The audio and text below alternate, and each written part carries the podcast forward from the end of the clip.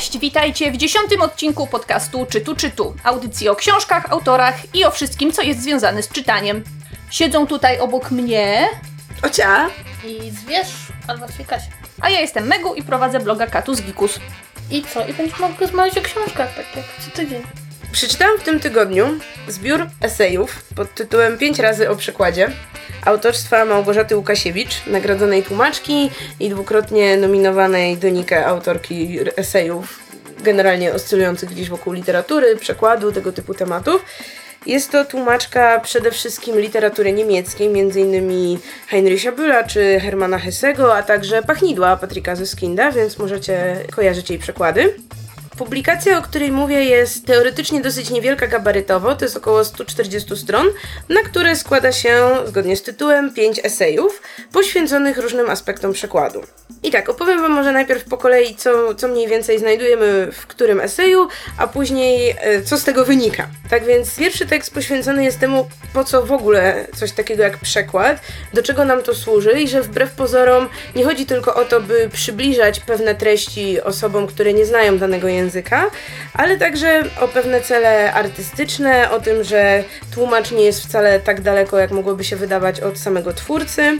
Drugi rozdział zastanawia się, jak postrzegano przekład w różnych epokach, i jest tu bardzo dużo różnych porównań, które mogą pomóc osobom, które nie są tłumaczami, zrozumieć, na czym polega ta praca.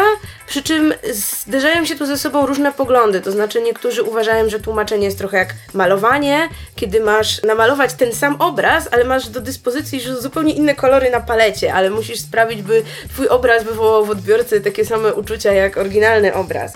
Albo że jesteś jak bankier, który musi wydać komuś dokładnie taką samą kwotę pieniędzy, ale w innych nominałach.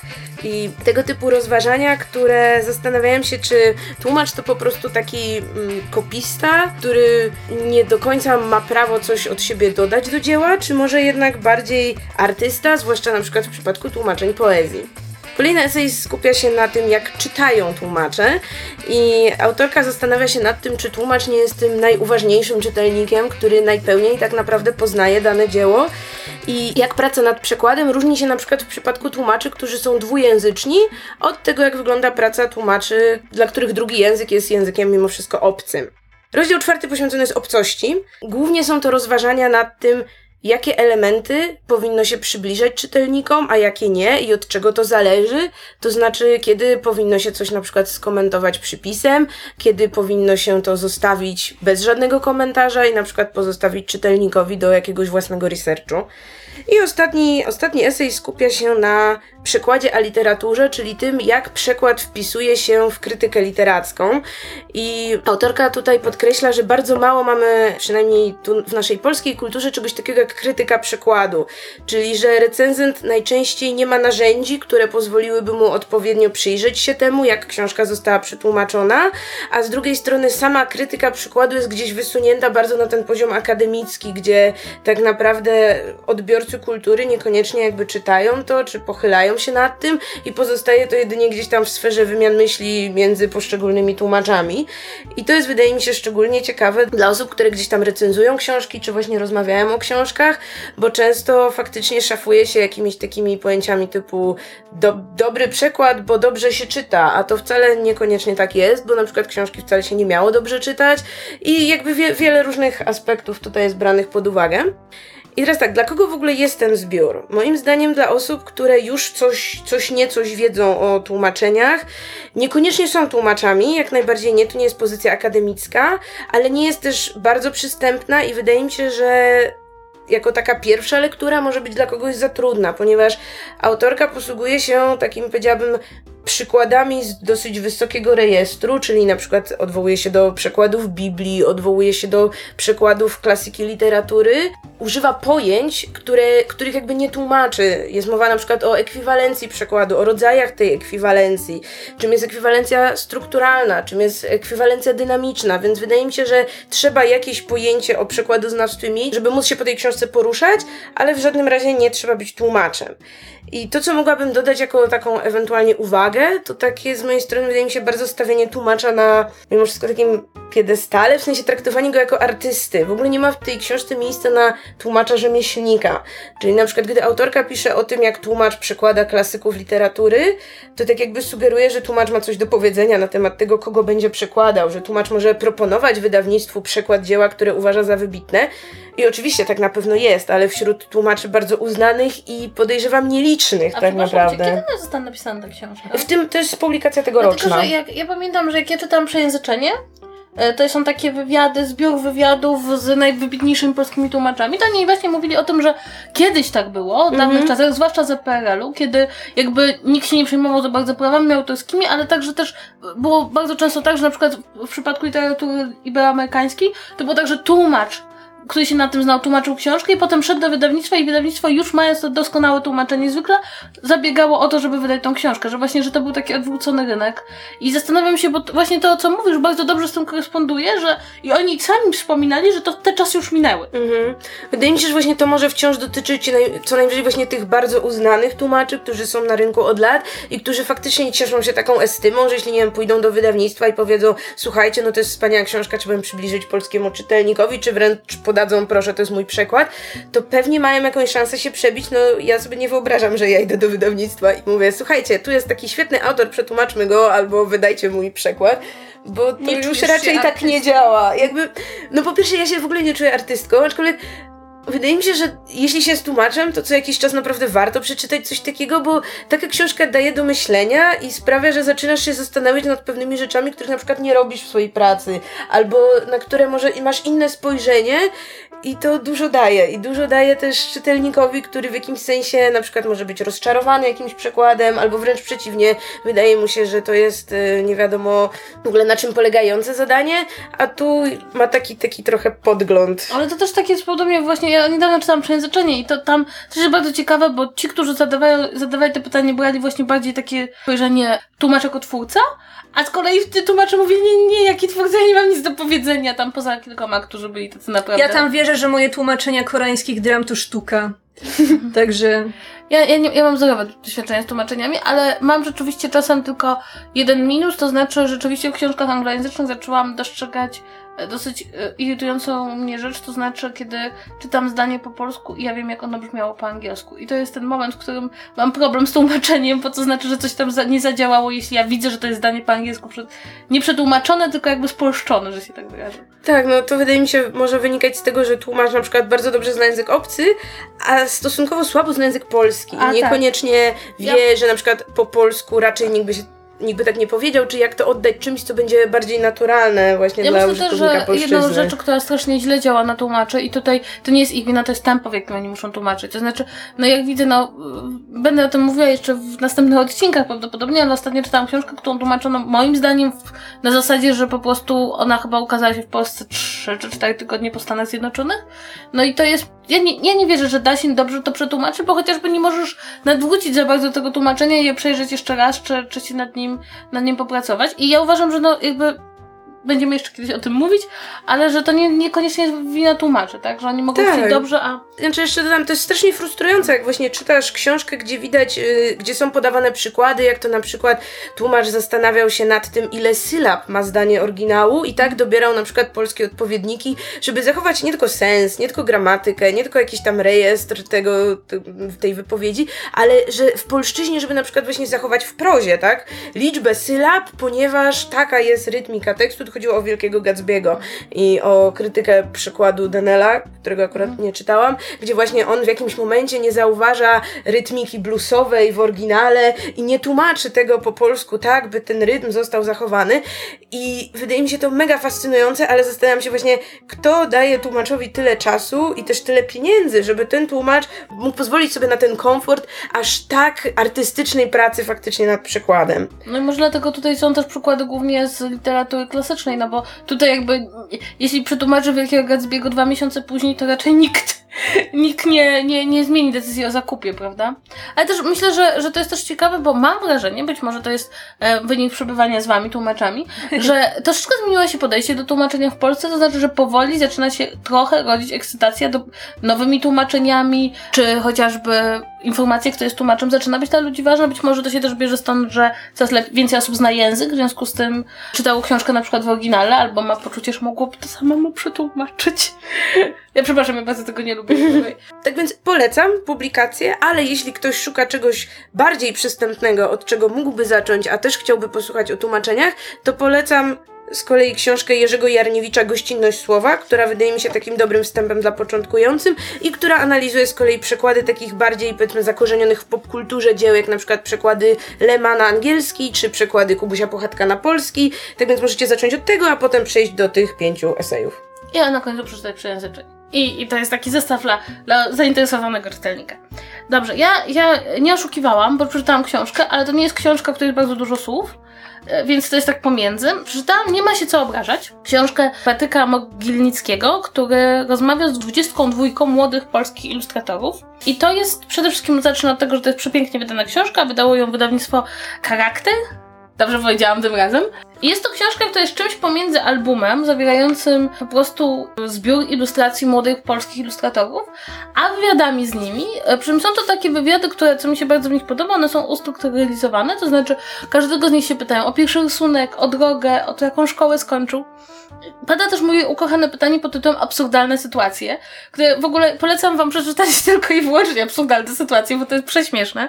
Jest to prześmieszne głównie dlatego, że pokazuje, że nawet uznani młodzi e, artyści spotykają się z tym samym. To Na zasadzie będzie miał pan do portfolio, albo e, czy ten rysunek mógłby być taki sam, tylko weselszy, e, albo jedna dziewczyna opowiada, że rozjaśnili jej ilustracje tak, że nic na nich nie było widać i była przekonana, że to jest błąd w druku, a po prostu komuś się podobało tak bardzo rozjaśnione.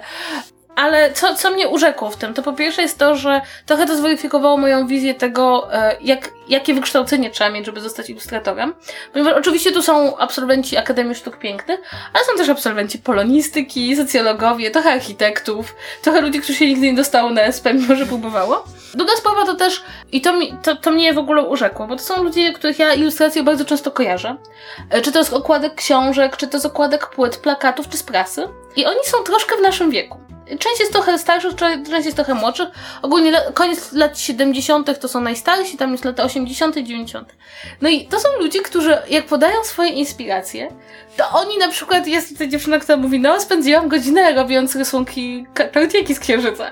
I, I po raz pierwszy chyba czytałam tekst, e, jakby taki, taki rozmowy z twórcami, którzy już są uznani, no bo już jest to wiek, w którym już ilustrator może być uznany, którzy utrzymują się ze swojej sztuki, e, głównie i którzy mają inspiracje typu Cartoon Network albo Czarniki z Księżyca. I mam taki zupełnie inny związek z nimi, bo mam poczucie, że oni się, ich, ich e, odniesienia kulturowego są takie bardzo też moje. No i też bardzo rzecz, która mnie osobiście bardzo bawi, na przykład na samym końcu e, jest pytanie ich ulubione filmy, ulubioną muzykę, ulubione, ulubione komiksy. Dla mnie to jest w ogóle pytanie ulubione komiksy jest świetne, bo ja, jak bardzo e, dużo mi mówi o tym, kim ci ludzie są. No ale poza tym jest to po prostu album młodej polskiej ilustracji i muszę powiedzieć, zwłaszcza, że jakby ci ludzie opowiadają właśnie o tym, jak rynek ilustracji się zmienia, że wcale go tak dużo nie ma, że czasem on jest bardzo trudny, że czasem on musi być związany na przykład z marketingiem, to rzecz, która mnie tutaj po prostu absolutnie uwiodła, to jest to, jak dobra jest to ilustracja i jak, co więcej, jak wielu z tych młodych twórców robi ilustracje dla czasopism i dla e, książek amerykańskich. To są ludzie, którzy mają swoje rysunki w New Yorkerze, czy mają w Newsweeku niekoniecznie w wydaniu polskim, czy po prostu ich ilustracje pojawiają się na okładkach anglojęzycznych książek, na okładkach płyt artystów z całego świata. I muszę powiedzieć, że dla mnie to jest po pierwsze wielka duma, bo to jest dokładnie ten rodzaj dumy na, e, krajowej, który lubię czuć. To znaczy, o mój Boże, mamy dobrych ilustratorów.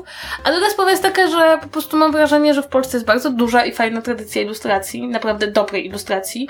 I bardzo mnie cieszy to, że ta ilustracja nie, nie doszła w niepamięć, że to nie wszystko jest teraz robione, wiesz, na zasadzie zdjęcie, które zostało tam wy, wy, wyphotoshopowane.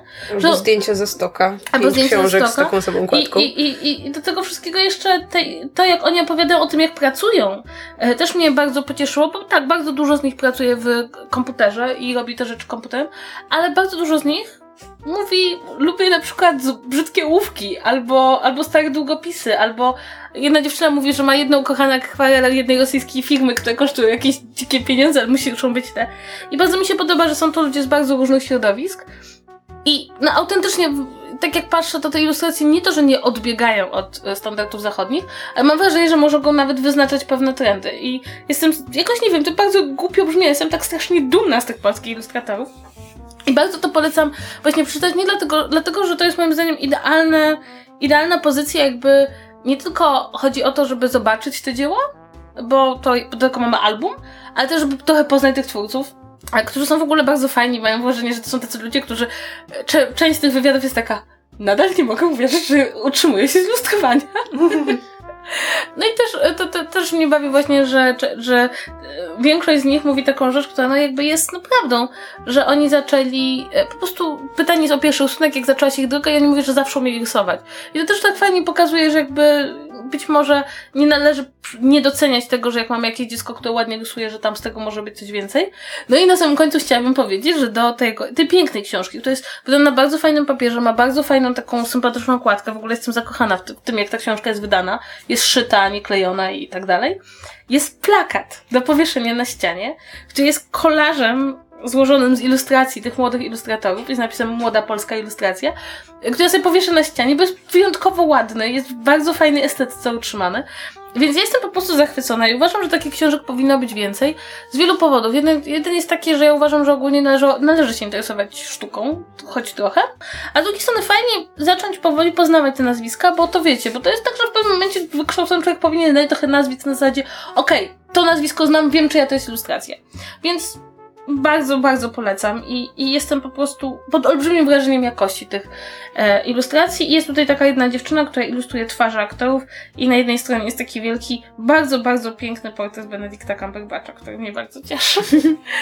Więc, ale to też jest fajne właśnie, że to już jesteśmy w tym momencie, kiedy ci młodzi ilustratorzy mogą nam zrobić e, obrazek Cumberbatcha i to jest fajne. No, więc, więc bardzo polecam i jestem bardzo mile zaskoczona tą książką. E, ona kosztuje 40 parę złotych, ale jest warta swojej ceny wydanie. Chociaż ja jej nie kupowałam, dostałam ją na urodziny i jestem bardzo zadowolona, bo to był bardzo fajny prezent. To tyle. Okej, okay, to wydaje mi się, że w końcu przyszła kolej na mnie. A ja nie będę mówiła ani o sztuce, ani o tłumaczeniach, ani o innych humanistycznych rzeczach, tylko ja będę mówiła o krwi, flakach i morderstwach, ponieważ po obejrzeniu Mindhuntera, serialu Netflixa, stwierdziłam, że muszę uzupełnić swoją wiedzę czytając książkę, na podstawie której serial został nakręcony. Ja nie wiem, e, Kasia, ty w końcu obejrzałaś Mindhuntera? Nie obejrzałam go. Ja skończyłam. Okej, okay, to Ocia wie o co mi chodzi, Kasia nie wie o co mi chodzi. Znaczy ja wiem o co ci chodzi, bo wszyscy wiedzą o co chodzi, bo ten serial jest wielkim hitem, tylko mi się nie chce go obejrzeć. Bo ten serial jest cudowny i każdy powinien go zobaczyć. Ja nie lubię morderców. Ty nie lubisz morderców? Ty A ja właśnie nie, bardzo musisz lubię. ich kochać. Właśnie, ja też ich bardzo lubię. Ja właśnie widzę, że jesteście patologią.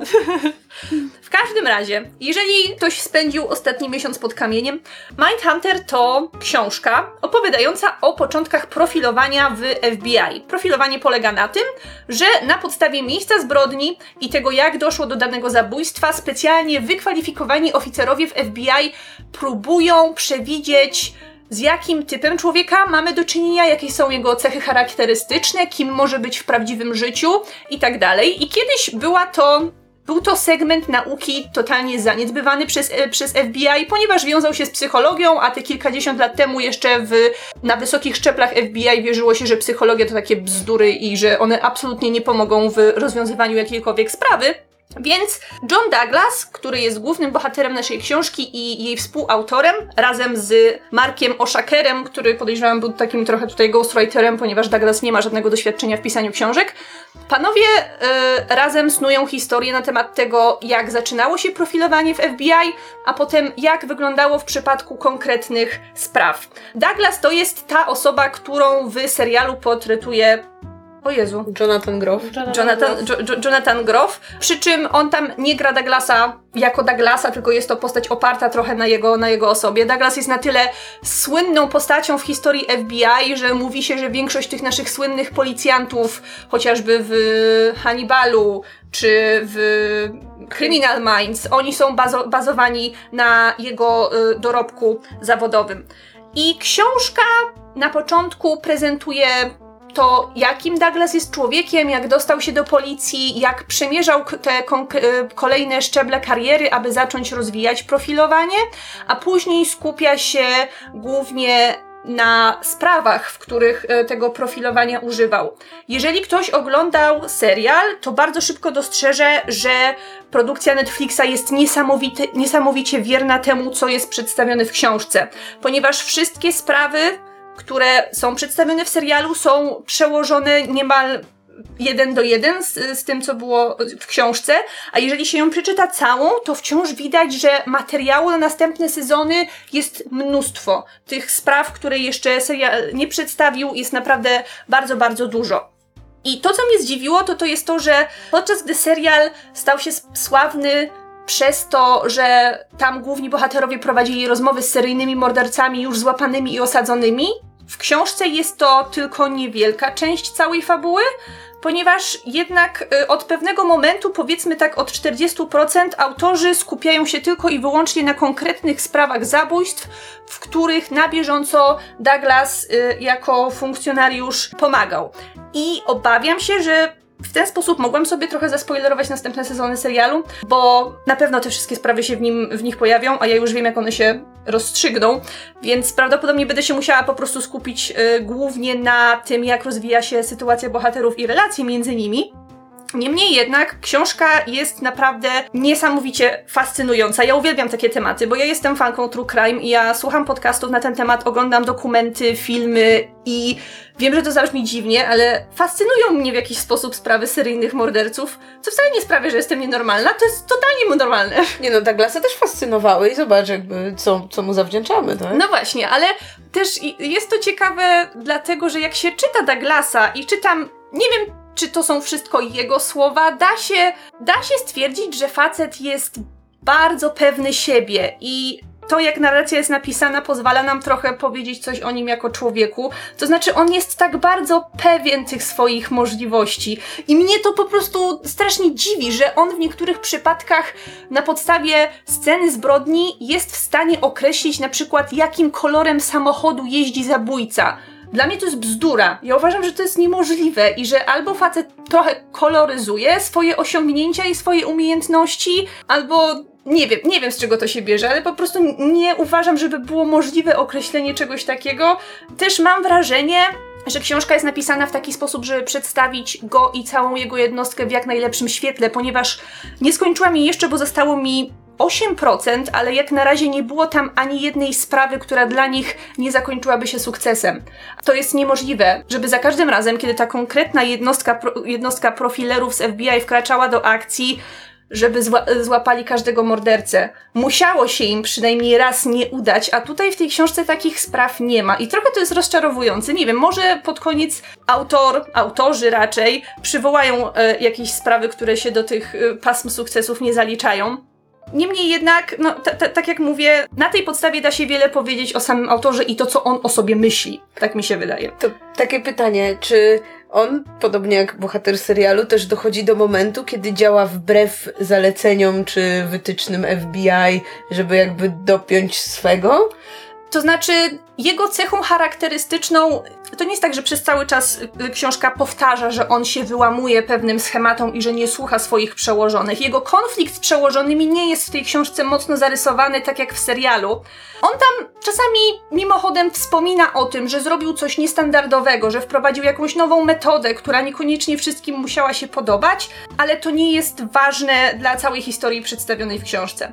E, w każdym razie y, wszystkim miłośnikom i serialu, wszystkim miłośnikom seryjnych morderców, to zabrzmiało źle, książkę bardzo polecam, jest strasznie ciekawa, zawiera naprawdę strasznie dużo spraw morderstw, zaginięć e, z USA, e, opisanych na, e, na kartach tego reportażu. Niedawno u nas ukazało się wznowienie, bo jest to dosyć stara książka. Ona się ukazała w 95 roku, a oczywiście z okazji premiery serialu Znak wydał ją ponownie z serialową okładką, także bez problemu znajdziecie ją teraz w księgarniach i ja serdecznie ją polecam. I to by było tyle w naszym segmencie e, o tym, co nosimy aktualnie w torebce i przejdziemy do naszego tematu odcinka. A dzisiaj chciałyśmy sobie porozmawiać o listach bestsellerów. Dlaczego są ważne, albo dlaczego nie są ważne, jak powstają i jakie niezbyt chwalebne praktyki uprawia się przy okazji ich powstawania i generalnie co na ich temat myślimy. Znaczy, zacznijmy od tego, że e, od razu powiedzmy, że listy bestsellerów są trochę potrzebne, tak? To znaczy, lista bestsellerów nie tylko służy takim czytelnikom, którzy nie do końca wiedzą, co chcą przeczytać. I wydaje mi się, że to wcale nie jest zły pomysł, żeby one istniały. Zacznę od tego, ponieważ będziemy mówić dużo o kontrowersjach. W związku z tym, jakby trzeba zacząć. Nie są bardzo złym pomysłem, żeby one istniały, ponieważ bestsellery w pewien sposób podpowiadają ludziom, którzy być może nie śledzą na bieżąco rynku wydawniczego, ale także tym, którzy właśnie śledzą na bieżąco rynek wydawniczy, się w danym momencie nawet jeśli niekoniecznie najlepiej sprzedaje, bo to nie zawsze jest oczywiste, to jest najbardziej promowany. Jest to ta książka, którą wydawnictwa chcą, żebyśmy przeczytali, albo ta książka, która z jakiegoś powodu stała się bardzo popularna w danym momencie. Jakie znacie listy bestsellerów? Takie najsłynniejsze. New York, New York Timesa. Times. New York Timesa, ale w, a w Polsce? Bo jest Empik oczywiście. Empik, tak. ale to- Top czy coś- 10 Empiku generalnie. Dziesiątka Empiku, wydaje mi się. Nic poza tak- tym? Znaczy, wiesz co, mi się wydaje pytanie pomiędzy znamy, a pomiędzy się tym kierujemy. Tak, bo... między, to ma, to się jakoś liczy w szerszym rozumieniu. Dlatego, że wszystko, no jakby każda księgarnia internetowa ma nawet swoje bestsellery. Jakby dzisiaj nie, nie istnieje coś takiego, kiedyś gazety wyznaczały listy bestsellerów, prawda? Natomiast dzisiaj to jest e, tak, że w Polsce zasadniczo rzecz biorąc każda, prawdopodobnie poza listą bestsellerów Empiku, która o tyle jest ważna, że ona jest nie tylko internetowa, ale też stacjonarnie, masz bestsellery na każdej księgarni internetowej czy e-bookowej, no a tylko, że czy ktoś na przykład, nie wiem, e, kiedykolwiek odniósł się do tego, że to skandal, bo książka zajęła trzecie miejsce na liście bestsellerów, nie wiem, Pubilo na przykład. No nie, nie, nie masz tego. Natomiast czytałam artykuły o tym, jak to się mogło w ogóle stać, że nie wiem, książka Kasi Tusk zajęła czwarte miejsce na liście bestsellerów Empiku. Koniec świata, nigdy więcej już nie będziemy mogli czytać książek. Tak, z kolei jeśli chodzi o prasę, to wydaje mi się, że taka prasa, mm, gazety typu, nie wiem, osiem Gazeta Wyborcza, czy jakieś tam inne gazety, nie są szczególnie nastawione na kulturę, jakby nie są autorytetem kulturalnym, a gazety poświęcone wyłącznie literaturze, to u nas w ogóle jest jakaś nisza nisz, która no pewnie też, m- pewnie ma swoje jakieś listy czy wytyczne, ale tak naprawdę nikt o tym nie wie, nikt się tym nie kieruje poza jakimś tam ułamkiem Znaczy- procenta czytelników. Znaczy w Polsce takich e, magazynów o książkach do czytania są dwa. Książki. Są książki Gazety Wyborczej, są nowe książki. E, I zawsze jest to śmieszne Że jakie pytanie. oryginalne tytuły. Jest e, to śmieszne pytanie w kiosku, czy są nowe, nowe książki? Nowe książki. Em, tylko, że tak, nowe książki są takim, oni jakby są w bardzo takim retroformacie i nie mają żadnych bestsellerów. Natomiast problem polega z książkami Gazety Wyborczej, że one są troszkę takim folderem reklamowym. Dla mnie przynajmniej, który zawiera trochę, trochę tekstów o książkach, ale oni tam z kolei na przykład przez wiele lat było co czytają w innych krajach. Był taki, taki ostatni artykuł w tej gazecie i on opisywał nam książki, które są na listach bestsellerów w różnych krajach.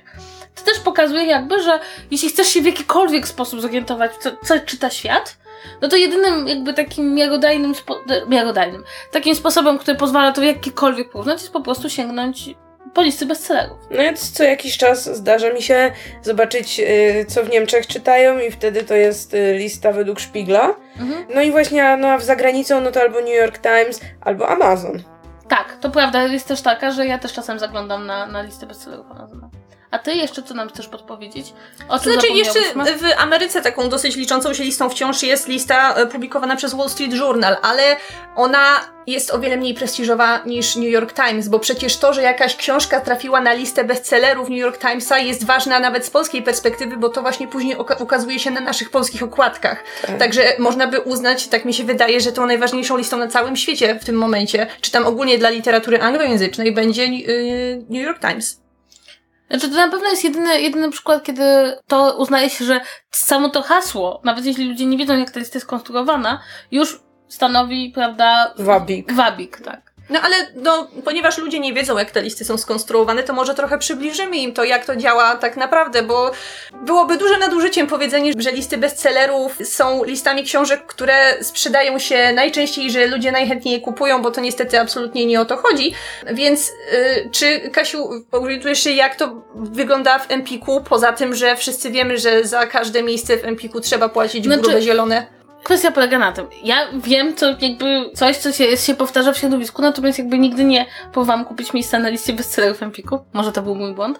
Wiem, że można sobie to miejsce wykupić po prostu. Bo Jeśli się- wykupuje się miejsce na pewno na półkach promowanych, jak są nowości, Tak. e, I wszystkie też na- standy. I na półce bestsellerów był taki przykład tuż przed świętami w którymś roku była na liście bestsellerów Empiku była książka o pierogach.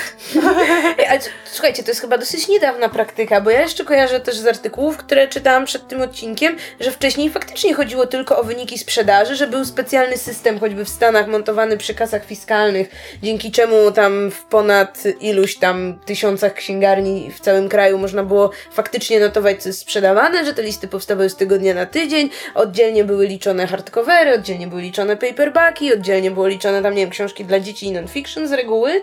No i można było faktycznie skoncentrować się tylko na tych wynikach sprzedaży. Był nawet przypadek autora, który wykupił w jednym tygodniu 10 tysięcy egzemplarzy swojej książki, bo uznał, że bardziej mu się to opłaca i faktycznie wybiło go to na jakąś listę bestsellerów, więc sprzedał się tych książek jeszcze więcej, więc koniec końców zarobił na tym.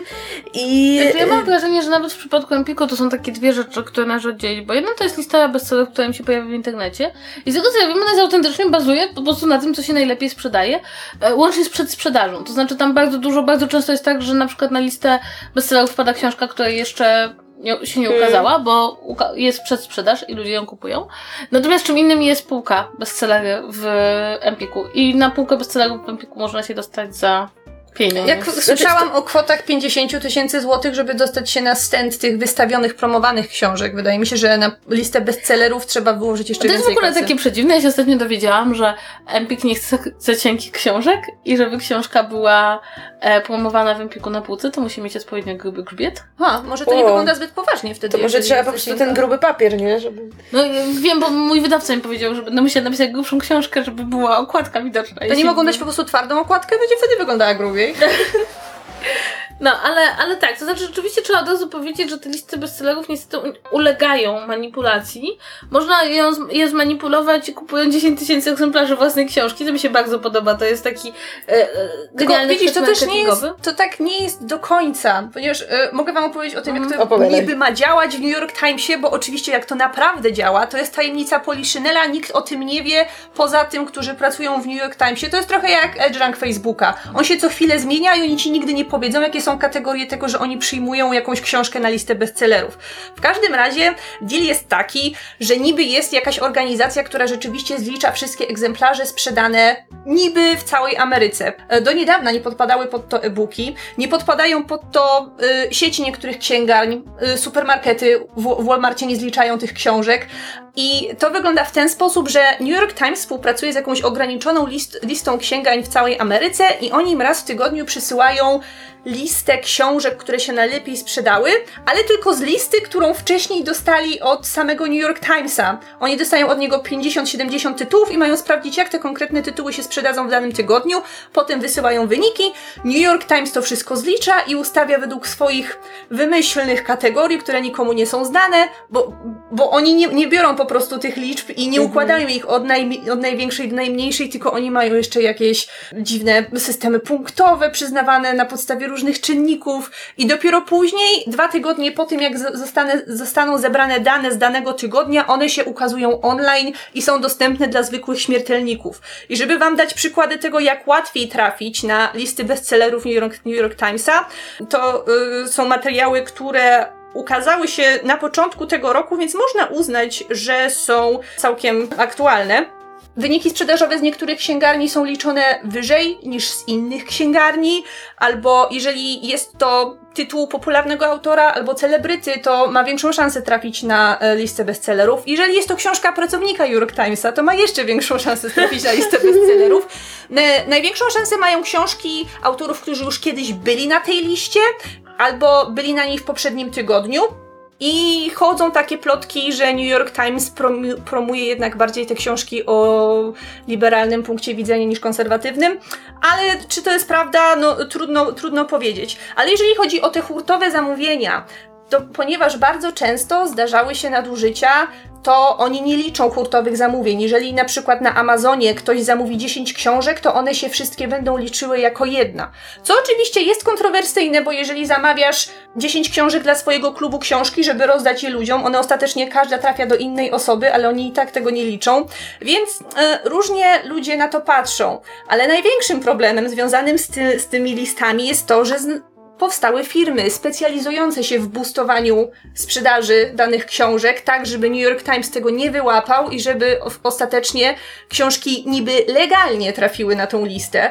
I są takie firmy i podobno stawki za wypromowanie książki na liście New York Timesa to jest 200 tysięcy dolarów, które zatrudniają osoby w całej Ameryce, które po prostu daną książkę wykupują, każdy za inną kartę płatniczą, każdy w innym sklepie, żeby nie było, żeby nikt nie nie był w stanie tego wyłapać i na tej podstawie się później te książki na liście bestsellerów umieszcza. I to ciekawe, od niedawna New York Times łączy wydania papierowe z e-bookami, bo jeszcze, jeszcze niedawno mhm. tego nie było. Nawet na Amazonie tego, tego się nie zliczało razem, a teraz mam wrażenie, że od paru miesięcy, że to jest dosyć świeże, zaczęli to w końcu liczyć jako jedną liczbę. I ja myślę, że to jest ten moment, kiedy możemy przypomnieć ten, tą sprawę, z której kiedyś tak, się śmiałyśmy tak. o tej książce, która została tak wybustowana na liście, a potem spektakularnie z niej spadła. Tylko ja już nie pamiętam niestety, jak się nazywała ta autorka. Ja też nie, ale jakby wydaje mi się, że nawet bez znajomości nazwiska autorki możemy opowiedzieć, to było coś, co udało się wyłapać w ogóle, to też było bardzo Ludziom ciekawe. na Twitterze. Ludziom na Twitterze. Otóż była książka, były dwie książki, obie Young Adult. Jedna była napisana przez y, czarnoskórą autorkę, o doświadczeniu młodej czarnoskórej dziewczyny, której przyjaciel, czy brat, czy ktoś został zamordowany. To mówisz o The Hate You Give. Tak, tak. W przypadku przemocy ze strony policji. I to było coś, to była książka, która się bardzo mocno wpisywała w nastroje społeczne, w debatę i ogólnie rzecz biorąc, e, no taka książka rzeczywiście idealnie napisana pod moment. I ona spadła na rzecz Young Adult, która jest takim typowym dystopijnym Young Adult, a dzieje się w cyrku jakimś takim wampiryczno Hunger Game'owym Czyli wypadkowa wszystkich najpopularniejszych tematów w, w Young Adult, jakie pojawiają się w ostatnich cyrku. latach. W cyrku. E, e, niektórzy... Cy, cy, cyrk trenduje w górę, tak? Niektórzy... Ostatnio tak. Ostatnio bardzo cyrk trenduje w górę. Niektórzy nawet podejrzewali, że autorką tej, tego wybitnego dzieła jest ta sama dziewczyna, która napisała My Immortal. Ojej. Ponieważ Czyli najsłynniejszy fanfic o Harrym Potterze, który jest najgorszym fanfikiem, który osiągnął popularność w internecie. Tak? I niektórzy twierdzili, że tam są niemal zdania jeden do jednego. No i to wzbudziło pewne, za pewne zainteresowanie. Zwłaszcza dlatego, że ta książka jeszcze nie miała premiery wtedy, kiedy ta lista się ukazała i nikt tak naprawdę o niej nie słyszał i nikt nie znał nikogo, kto by tą książkę przeczytał. No i się dosyć szybko okazało, że człowiekiem, który tę książkę wydawał, był producent muzyczny. I, i on poprosił w ogóle o promocję ludzi, których kiedyś promował jako muzyków, którzy je promowali w sieci, nie czytając tej książki, bo jakby nie mieli ten. No ale to oczywiście sprawiło, że książka dostała jakichś takich szalonych zasięgów w sieci. I ja nie pamiętam, jak oni dalej poszli, bo to było dawno. Ja to pam ale pamiętam, że udało się krok po kroku odkryć, że ta książka zasadniczo rzecz biorąc nikt jej nie czytał. Co więcej, nie za bardzo ktoś ją nawet kupił. I że ona ogólnie rzecz biorąc nie powinna się tam znaleźć.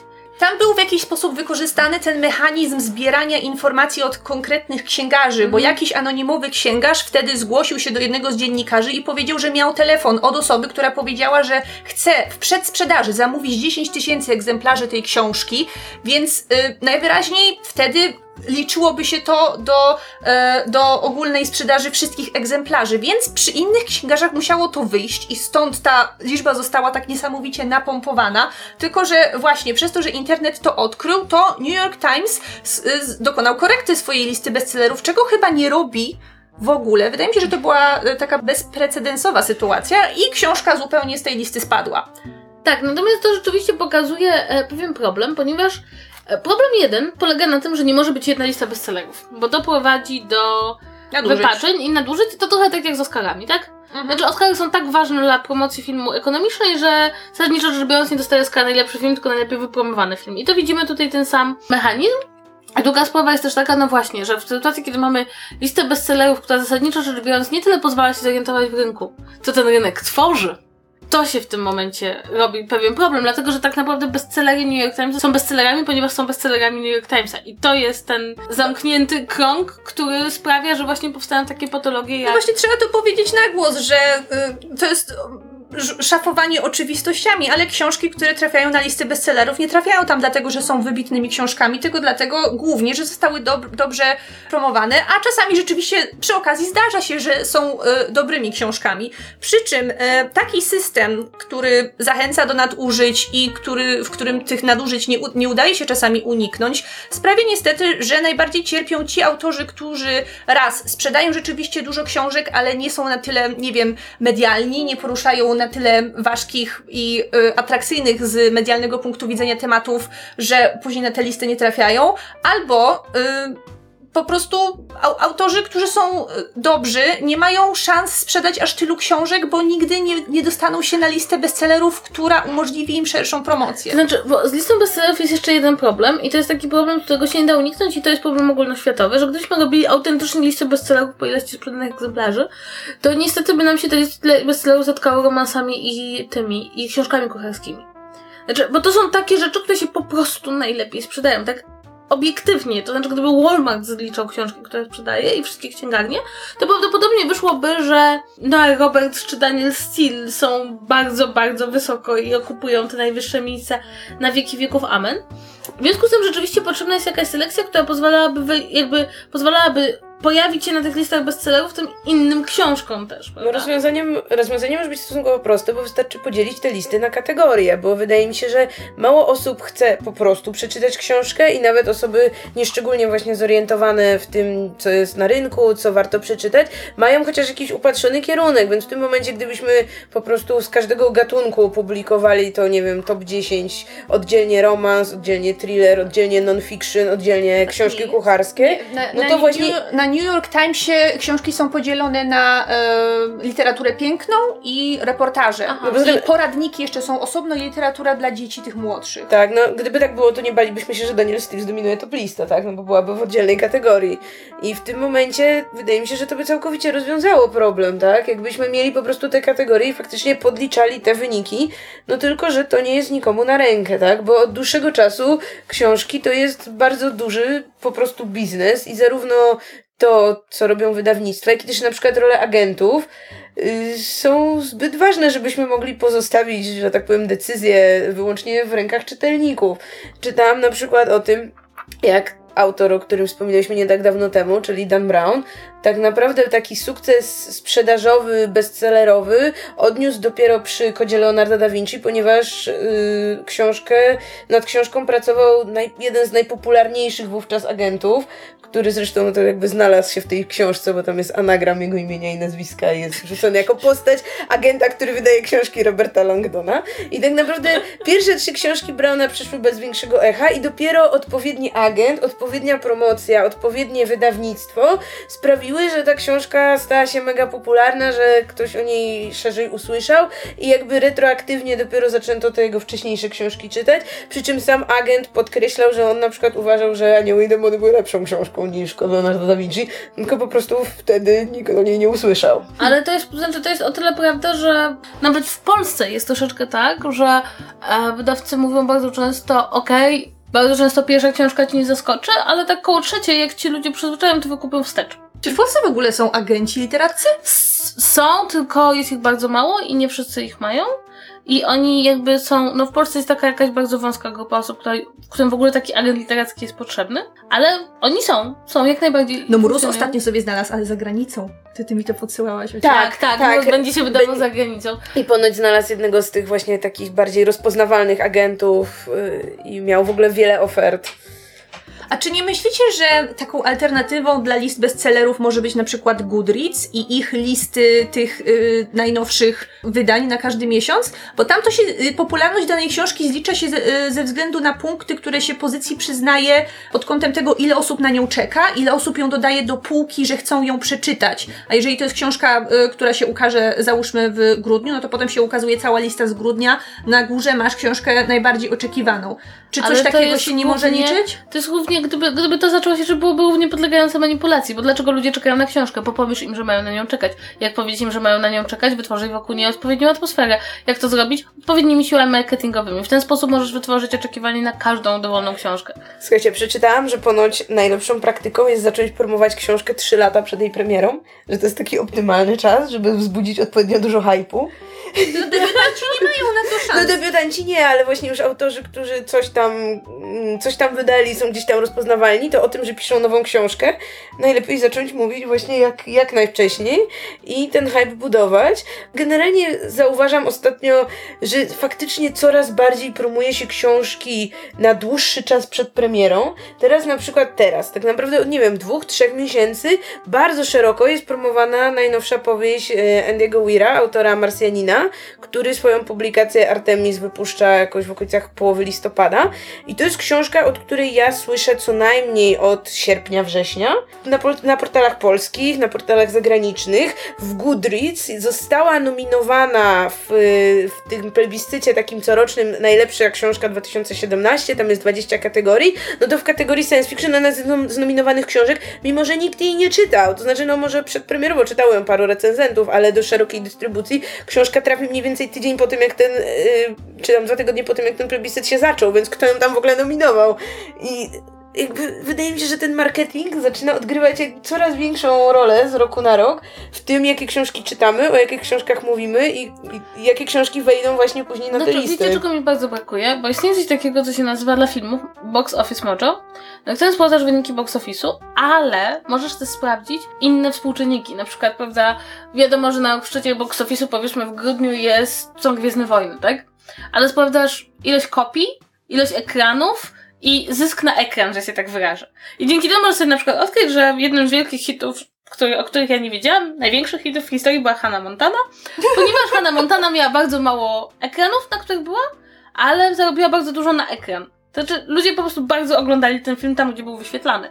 I w jakiejś, w, jeśli weźmiesz ten czynnik, to to jest jakiś w ogóle zaskakująco wysokie zyski. I tego mi właśnie brakuje bardzo w tych listach bestsellerów. Tak jak, że my nie mamy na przykład nakład. To jest bardzo ważna rzecz, tak?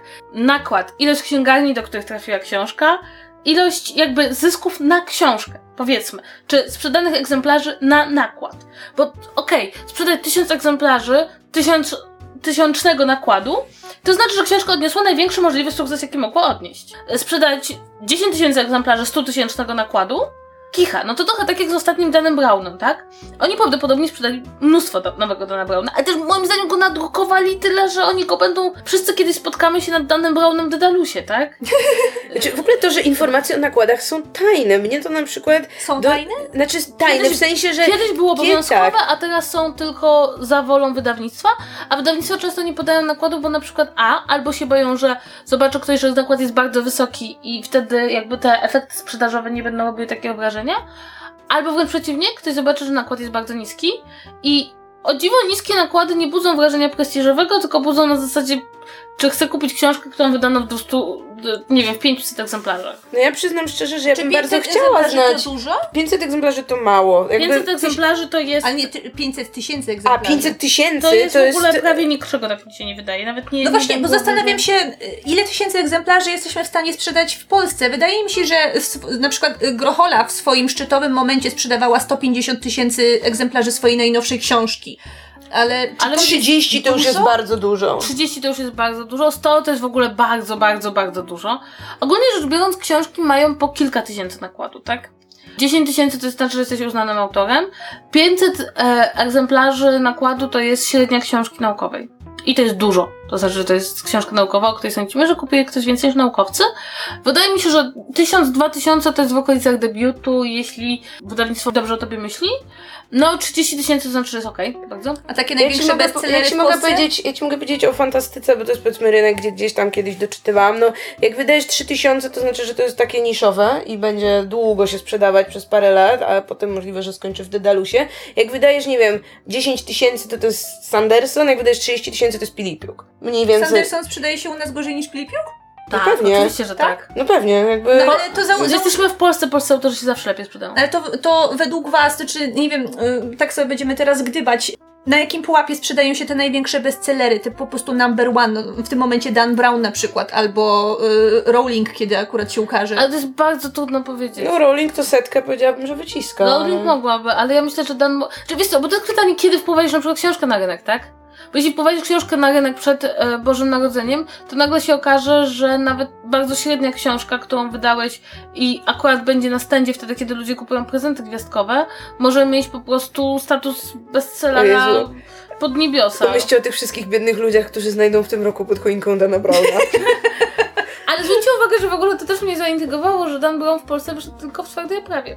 Je, na razie. Jak więc w Stanach, oni, prawda? Więc oni Taka jeszcze praktyka. prawdopodobnie pójdą jeszcze w paperback. No, przyjmujemy takie amerykańskie nawyki. Tam zawsze Tak. y, ten twarda oprawa jest najpierw, a dopiero później paperback wchodzi do obiegu. tak, żeby ci, którzy już bardzo chcą przeczytać, musieli wydać więcej, a jak ktoś chce wydać mniej, no to musi poczekać pół roku czy rok nawet. Znaczy ja, ja w ogóle, to znaczy ja już, już abstrahujemy trochę od listy bestsellerów, ale ogólnie wydaje mi się, że e, problem polega na tym, że to, co się stało z rynkiem książki e, w Stanach Zjednoczonych, to jak na przykład e, rytm pracy autora został bardzo mocno podporządkowany takiemu rynkowemu myśleniu co książka, bo czy max co dwa lata, ale ogólnie bardzo regularnie książka, bo tak co są czytelnicy, to bardzo przyszło do Polski. Bardzo. Jakby Mus jest takim ekstremalnym przykładem, ale jest bardzo wielu autorów właśnie takich, którzy tłuką książkę mniej więcej na rok i niestety nie każda z tych książek powinna się ukazać. I wizja taka, że przecież kiedyś byli pisarze, którzy między jedną a drugą książką mijało 10 lat, 15 i ludzie nadal jakby ich szanowali. No nie, bo to już jest, to już jest tak, tak sformalizowany rynek, że, że musi być bardzo regularnie. E, No i na tym bardzo cierpią właśnie nie, no może nie wybitni autorzy, którzy mogą sobie tam pisać co chcą, kiedy chcą, ale właśnie tacy autorzy literatury popularnej, którzy jakby mają takie naciski ze strony wydawnictwa. Skończyłeś książkę ładnie, prosimy taśmową następną. Okej, to już tak myślę, że zmierzając ku końcowi, powiedzcie mi, czy wy sugerujecie się listami bestsellerów? Tak na co dzień absolutnie nie. To znaczy, ja bardzo wiem, co chcę przeczytać, i to wygląda mniej więcej tak, że jak co parę miesięcy sobie siadam do skomponowania koszyka w księgarni internetowej, to po prostu przeglądam strony wydawnictw, które śledzę i sprawdzam, co nowego się u nich ukazało i wrzucam do koszyka. A taka lista bestsellerów to powiedzmy, no, generalnie śledzę, żeby mniej więcej wiedzieć, o czym się mówi i już bardzo muszę stwierdzić, że okej, ciekawe co to jest, żeby to sprawdzić, ale to, to nie jest tak, że jakoś moje książki na moich półkach to są książki z list bestsellerów. Ja mam tak, że jeśli jest książka na liście bestsellerów w jakimś egzotycznym kraju i ja o tym wiem, to jestem ciekawa, typu to był bestseller w Hiszpanii. To ja mam od razu takie na poczucie, ktoś, to, to, jestem ciekawa, co takiego w tym było, że się spodobało Hiszpanom. Nat, natomiast New York Times kompletnie na mnie nie działa, zwłaszcza, że najczęściej właśnie widzę to, to na, na, okładk, na okładkach książek, których nie chcę przeczytać. Natomiast prawda jest też taka, że półkę bestsellerów Empiku widzę częściej niż półkę, powiedzmy, prasa, literatura piękna polska. I czasem na nią patrzę na zasadzie, nie, że chcę przeczytać od razu, co tam jest, czy kupić, ale po prostu na zasadzie, okej, dobra, tą książkę w tym momencie rzeczywiście bardzo promują e, i, i może będzie wypadało mieć zdanie na jej temat. Mhm. No to ja się przyznam, że ja na listy bestsellerów zaglądam i rzeczywiście z nich korzystam.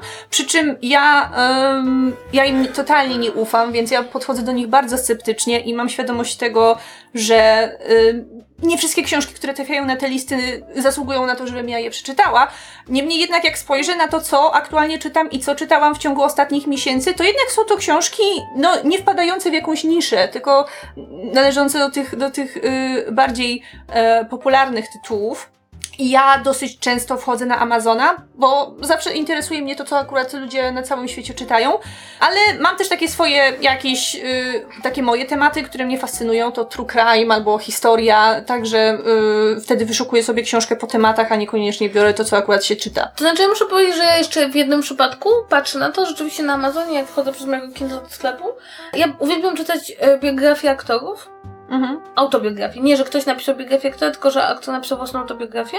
I wtedy biorę tą kategorię, sprawdzam, które są najpopularniejsze, bo też to jest troszeczkę tak, że to nie jest wielka literatura, ja tego nie czytam, żeby przeżyć jakiś niesamowity ochiak, tylko troszeczkę z ciekawości.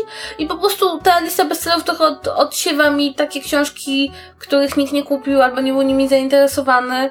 E, I to po prostu w takim dużym goszczu, bo tego powstaje bardzo, bardzo dużo, to mi daje jakiś taki azymut, że okej, to, to są te książki, które powiedzmy przeczytam jako pierwsze, tak? Zwłaszcza, że to nie jest tak, że ja chcę przeczytać wszystko, nie mam takiej ambicji przeczytać biografię każdego aktora, to czytam trochę jak no, taki, taki hamburger, prawda, jest dla mnie, i, ale sprawia mi to przyjemność i w, te, w takim przypadku mogę pomyśleć, okej, dobra, zaufam liście bestsellerów, kupię to najbardziej promowaną książkę. To ja nie ukrywam, że ja lubię być po prostu na bieżąco i lubię wiedzieć, o co chodzi z tymi, z tymi wielkimi przebojami, o których aktualnie wszyscy ludzie mówią. Przy czym y, ba, prędzej kieruję się opinią zaufanych mi osób, takich z, z internetu. Chodzi mi tutaj głównie o podcasty, bo ja słucham podcastów y, strony Book Riot i to oni mi mówią, co aktualnie y, jest warte przeczytania na amerykańskim rynku i ostatnio najwięcej książek właśnie mam od nich. To chociażby co omawiałam y, odcinek czy dwa odcinki temu, czyli to Dzikie Królestwo i parę innych książek. Czy mogę zwrócić uwagę, że jest to bardzo ciekawe, że mamy podcast, w którym omawiamy książki, które polecił nam inny podcast? Nie, że zawsze, ale się zdarza. Incepcja. Ale e, jakby podsumowując, jesteśmy bardzo ciekawe, czy wy się kierujecie listami bestsellerów, czy może macie jakieś spojrzenie wewnętrzne na to, jak się je robi, bo prawdę powiedziawszy, możemy tylko czytać w internecie czy słyszeć plotki, ale żadna z nas nigdy nie układała listy bestsellerów, a nawet na nie nie trafiła. Jeszcze. Jeszcze. E, więc będzie nam, e, będzie nam bardzo miło, jeśli się z nami podzielicie swoją opinią.